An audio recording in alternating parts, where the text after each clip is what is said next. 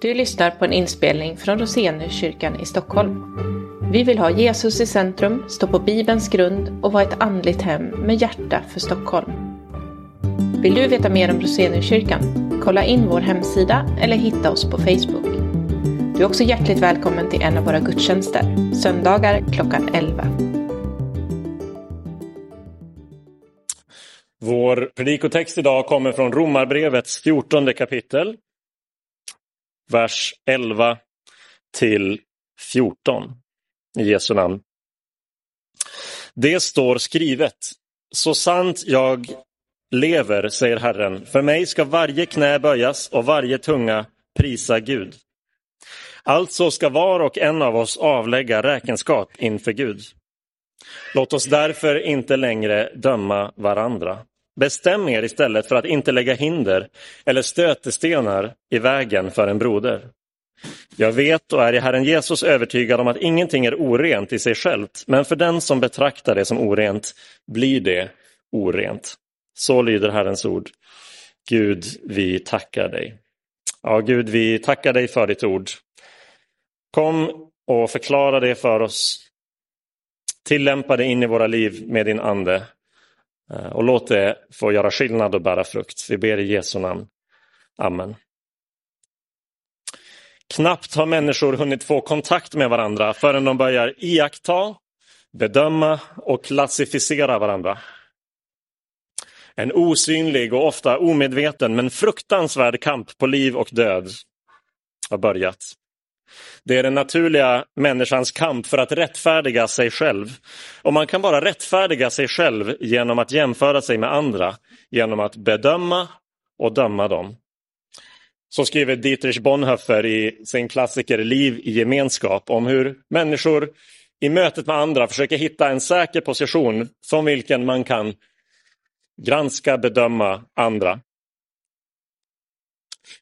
Vi läste från Romarbrevet.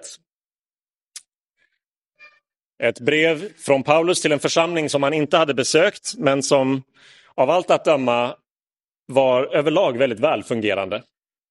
Så det är inte en massa tillrättavisningar och så i brevet. Det är mest en positiv beskrivning av vad evangeliet är och, eh, och uppmaningar att leva i det.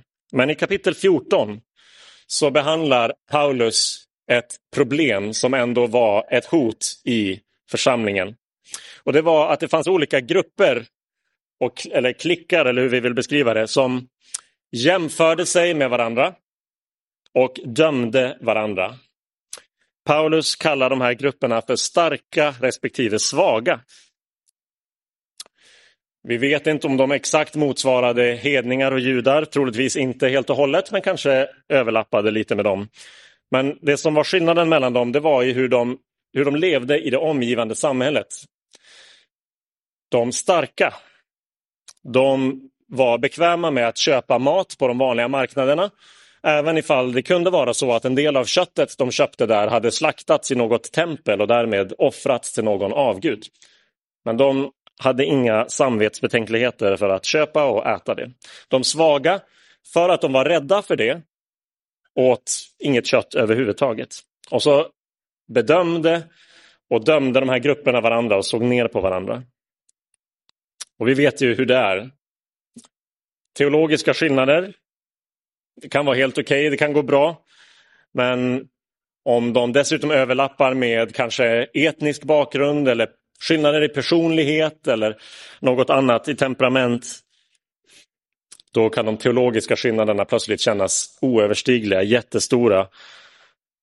Och det kan splittra bröder och systrar från varandra. Och i den här kapitlet, kapitel 14, kan vi läsa Paulus råd till en församling som riskerar att glida isär just på grund av människors dömande attityd. Och Det här är viktigt för oss att läsa också idag. Uppmaningen att inte döma varandra angår oss utifrån till exempel alla de fyra punkterna i den vision som vi i Roseniuskyrkan upprepar så ofta.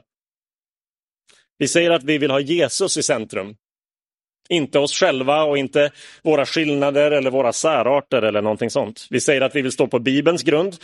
Det betyder att vi inte vill lägga till egna regler och traditioner utöver Bibeln som vi binder människor till. Vi säger att vi vill vara ett andligt hem. Det betyder att vi vill att människor ska känna sig avslappnade här. Få komma hit och få vila. Inte komma in här med garden uppe och undra vad kommer människor tycka om mig? Vi säger att vi vill ha ett hjärta för Stockholm. Och det är svårt för en genomsnittlig svensk att ta, sig, ta till sig evangeliet idag. Det har inbyggda utmaningar eller inbyggd anstöt som Bibeln säger. Det sista vi vill göra är att lägga till onödig anstöt som gör det ännu svårare. Så frågan blir därför, hur kan vi bygga en gemenskap som håller ihop och som inte är dömande för människor? Paulus ger oss tre nycklar. Och vi ska spendera allra mest tid på den första. Och det är att leva inför Gud. Så här skrev Paulus. Vi ska alla stå inför Guds domstol. Den versen läste jag faktiskt inte förra gången, den var precis före vårt avsnitt.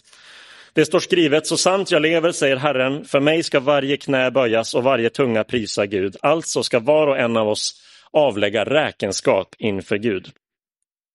Det Paulus säger här är att genom att överlåta domen till Gud så blir vi fria att leva i en icke-dömande gemenskap med varandra. Men det här kräver lite eftertanke. Därför att ärligt talat, Guds dom är inget som de flesta av oss jublar över. Eh, I vår kultur i allmänhet så, så är det väldigt problematisk tanke för många att det skulle finnas en gud, att den guden i så fall skulle döma eller ens ha åsikter om rätt och fel. Poängen med att prata en del om det här är inte att slå in öppna dörrar, för kanske är det så att de flesta eller rent av alla här tycker att ja, men det, den tanken kan jag leva med. Men vi ska inte bara kunna leva med den. Jag tror att vi många kristna lite grann skäms över tanken på Guds dom. Men vi borde istället se vilken rikedom, vilken befrielse det finns i att leva inför Gud som domare. Vi lever alla inför någons blick. Ingen av oss är sig själv nog. Ingen av oss är kapabel att liksom förankra vår identitet och vår existens i sig själv. Vi längtar alla, vi människor, efter att bli bedömda och funna tillräckliga eller rättfärdiga. Jonathan Haidt, den eh, amerikanske moralpsykologen, skriver att en besatthet av rättfärdighet är det normala mänskliga tillståndet. Vi vill vara rättfärdiga. Vi är beredda att gå ganska långt för att få höra eller att känna att vi är rättfärdiga. Men om vi inte har Guds blick att leva inför, då har vi bara varandras. Och därmed är racet igång. Tävlan om uppmärksamhet, om godhet, om att vara på rätt sida av historien, att vara i utvecklingens framkant, att vara mest woke eller mest anti-woke eller vad man nu vill använda för termer. Tävlan är igång. Musikern Nick Cave skriver, så visst jag kan se er cancel culture raka motsatsen till barmhärtighet. Politisk korrekthet har utvecklats till den olyckligaste religionen i världen. Dess strävan att föreställa sig ett mer rättvist samhälle har nu fått alla de värsta aspekterna hos religionen och inget av dess skönhet. Moralisk eh, självsäkerhet och självrättfärdighet utan någon förmåga till frälsning.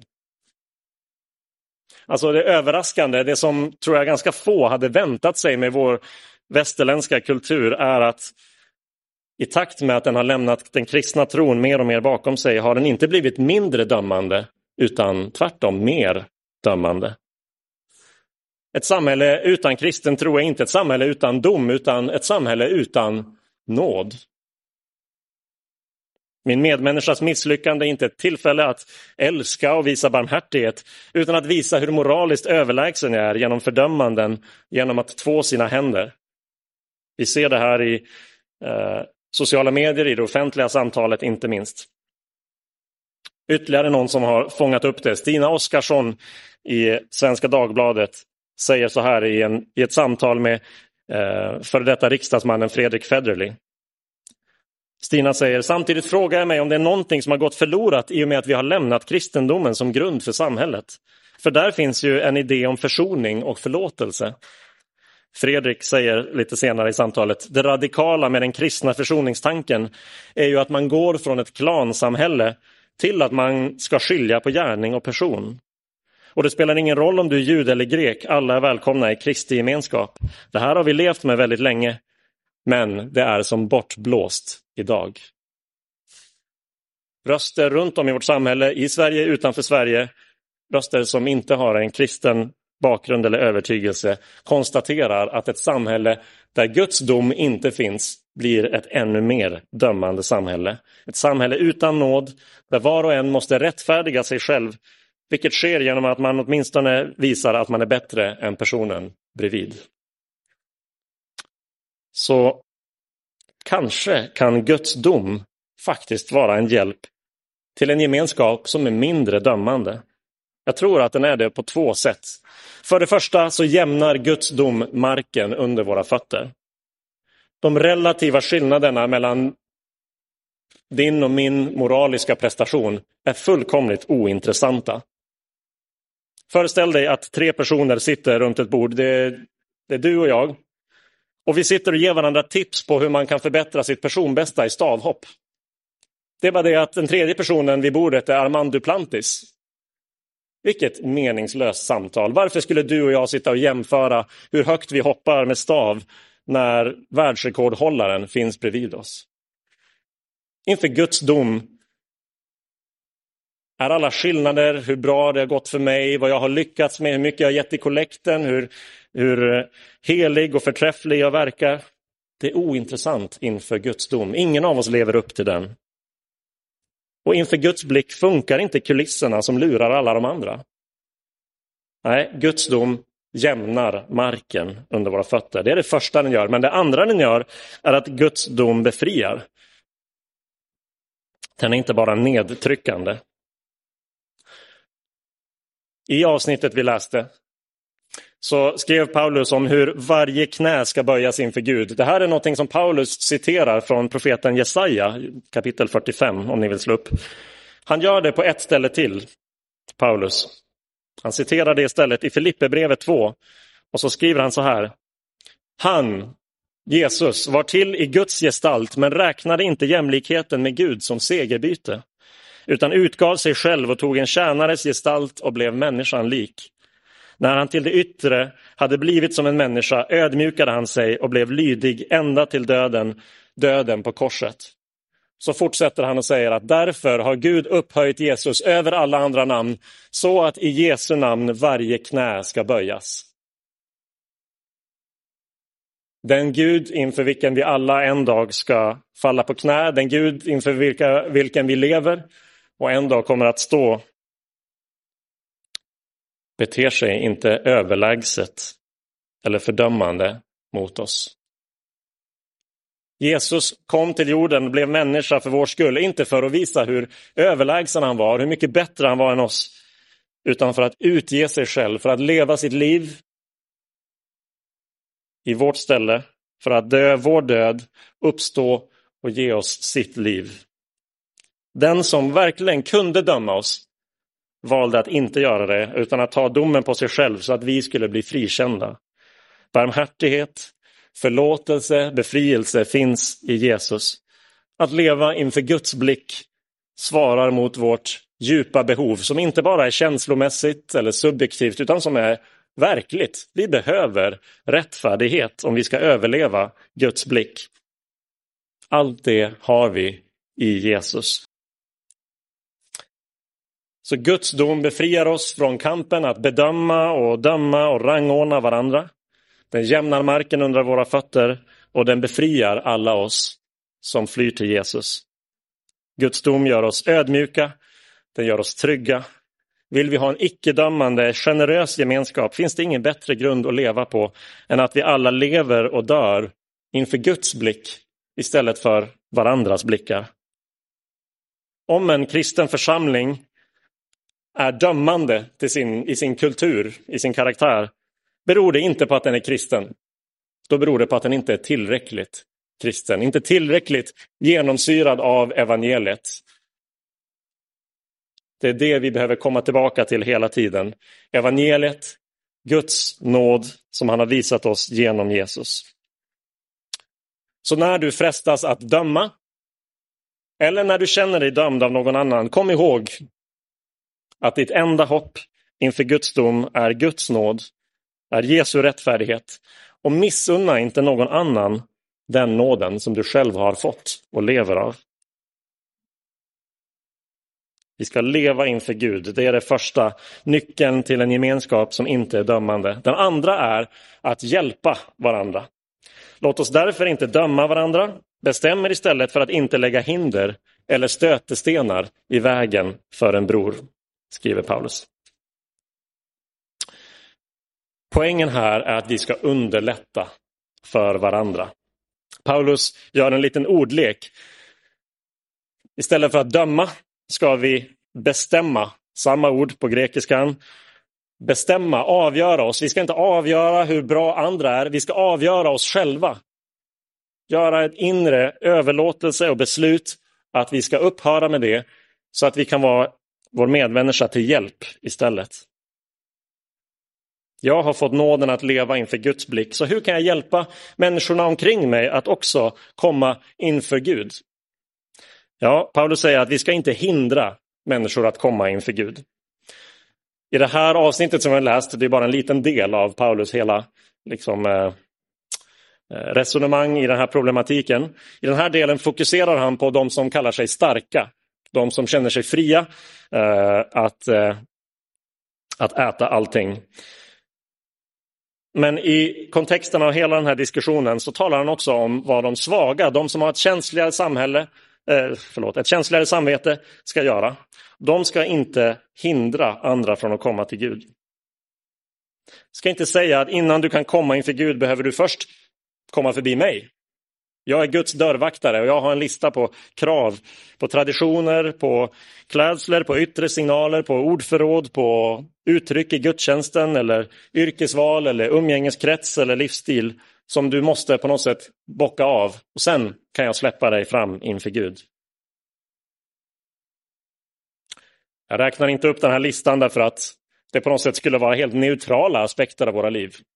Överallt i våra liv finns det val och beslut som har både moraliska, etiska dimensioner och som kan vara olika i sin grad av vishet. Alla val är inte lika bra. Men vi ska akta oss för att lägga till regler för andra. Särskilt sådana som vi själv inte kan leva upp till. Och vi ska tänka på hur vi relaterar den moraliska vägledning som finns i kristen tro till det fria erbjudandet om frälsning i Jesus.